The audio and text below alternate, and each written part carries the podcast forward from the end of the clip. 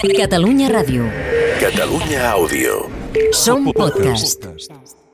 Pedro Acosta ja és campió del món. Ha sortit a guanyar el títol guanyant la cursa. Li ha sortit bé. Aquí el sentiràs, i també el seu representant, Albert Valera. No sentiràs ningú més, t'explicaré més coses, però protagonistes només Acosta i companyia. A Moto2 Gardner és campió virtual i a MotoGP Honda ha fet el pas, avui amb la quarta posició d'Àlex Márquez.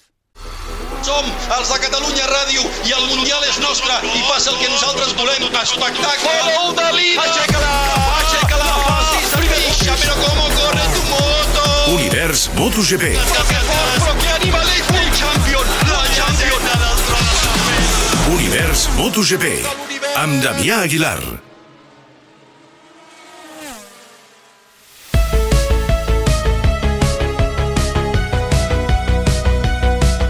A l'última volta de Moto3, Pedro Acosta liderava, faltaven pocs revolts, i Darren Binder ha tornat a protagonitzar una acció temerària i ha tirat Denis Foggia, quan l'italià almenys hauria pogut tenir l'oportunitat de jugar-se-la al darrer revolt i allargar l'agonia fins a València. No ha estat així. Acosta esdevé, per només un dia, el segon més jove de la història en guanyar un Mundial de Velocitat. Té 17 anys i 166 dies. El rècord se'l queda Capirossi i amb les noves normes d'increment d'edat d'accés al Mundial segurament aquest rècord quedarà per la història per al de Bologna. Però entre els mèrits d'Acosta hi ha que és un debutant i que, per exemple, la segona cursa ja va guanyar sortint des del pit lane. No ha respectat ningú. I si ha tingut de mitja temporada cap aquí algun moment fluix és perquè el físic l'ha traït. Sí, a tots ens toca créixer i la moto se li ha quedat petita i acabava les curses amb dolor. Ha sido duro, pero estábamos ahí. Eh, por una cosa o por otra, al final nunca acabábamos de rematar, pero estábamos ahí. Eh, pero eso, claro, eso la gente de fuera no lo ve, eso al final lo ves tú que estás ahí. Pero bueno, creo que esto ha sido gracias a, a todo el mundo que en esa, en esa parte del campeonato me ha apoyado, que, que no han parado de creer en mí y, y que hoy han estado aquí conmigo. Té 17 anys, està en etapa de creixement. Jo l'altre dia li deia, dic, hòstia, uh, com has crescut des del 2019 que el vaig conèixer jo a les Rookies, no? I vam començar ja a parlar i a treballar, no? I en dos anys ha crescut molt, sobretot aquest estiu, a part de créixer, s'ha fet més ample. I, bueno, i això li ha generat una miqueta de molèsties a la moto, és, uh, sobretot pilotant. Es quedava ja una mica gran per, a, per a aquesta moto de Moto3, no? Ell normalment, quan està allà al circuit de Cartagena, entrena en motos grans. S'ha comprat una R1, per exemple, i està acostumat més a entrenar en motos grans. Llavors, quan ve aquí al circuit i ha ha de ficar-se tot el cos amb una moto petita, Moto 3, doncs pateix una miqueta més. L'Albert Valera, que el paddock coneix tothom perquè ha portat Jorge Lorenzo i ara mateix porta, entre altres, Aleix Espargaró, també porta el Pedro Acosta des del 2019 i creu que el murcià encara està jugant.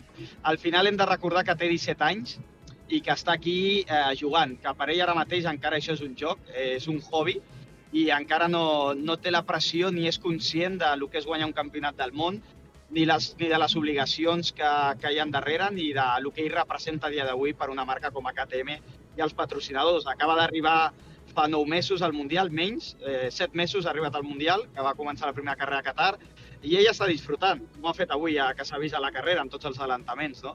Llavors, el mateix esparpajo que té a la pista el té quan parla amb els mitjans i, i amb tothom. Amb el temps s'anirà fent més gran i, i òbviament, pues, s'anirà pues, adaptant una mica a el que és aquest món, no? Acosta havia de pujar al Mundial de Moto3 dins de l'estructura de l'equip Prustel amb l'equip MT del FIMCEP que dirigeix el Jordi Gatell.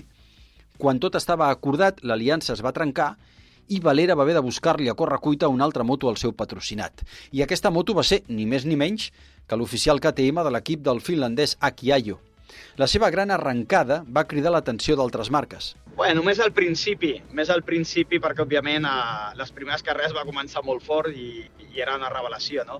Després ja han entès que teníem un vincle amb KTM i que se li ha de donar una oportunitat també a KTM perquè, com et deia abans, ens va donar una gran oportunitat l'any passat a Aragó i, i llavors jo crec que és molt d'hora per parlar amb altres marques de cara a MotoGP. Crec que ara ens hem de centrar en Moto2 i en veure també com evoluciona el projecte de KTM a MotoGP, que tenim confiança en ells. Ara Costa està ben agafat per KTM, que se l'emporta a Moto2 i amb la vista posada en MotoGP al 2024. 2024. Sí, l'objectiu ara mateix, tot pot canviar, òbviament, eh, veurem l'any que ve, però l'objectiu és donar-li al Pedro una mica la tranquil·litat pues, que no li hem pogut donar aquest any, que ha anat tot molt ràpid i al final només ha tingut un any de Moto3. Llavors, a Moto2 sí que et prepares molt bé per MotoGP i creiem que dos anys de Moto2 li aniran molt bé per fer el salt eh, més preparat.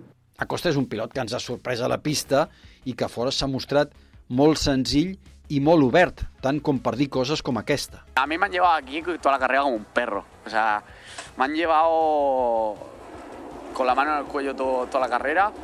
Pero bueno, estábamos ahí.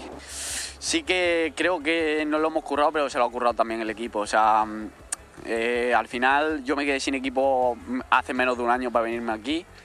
Y fueron KTM, Red Bull y aquí fue el único o de los muy pocos equipos que confió de decirme, eh, vente para acá. O aquesta, quan vol expressar que no canviarà.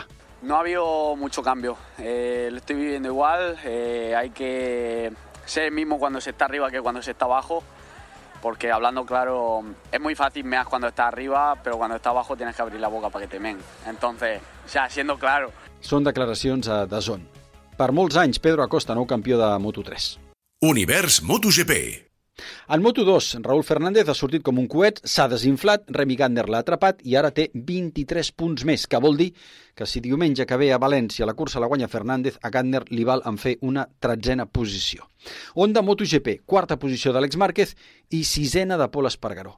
Àlex Márquez podria haver intentat lluitar amb Miller per la tercera posició, però li ha impedit la bandera vermella que ha donat per acabada la cursa a falta de tres voltes.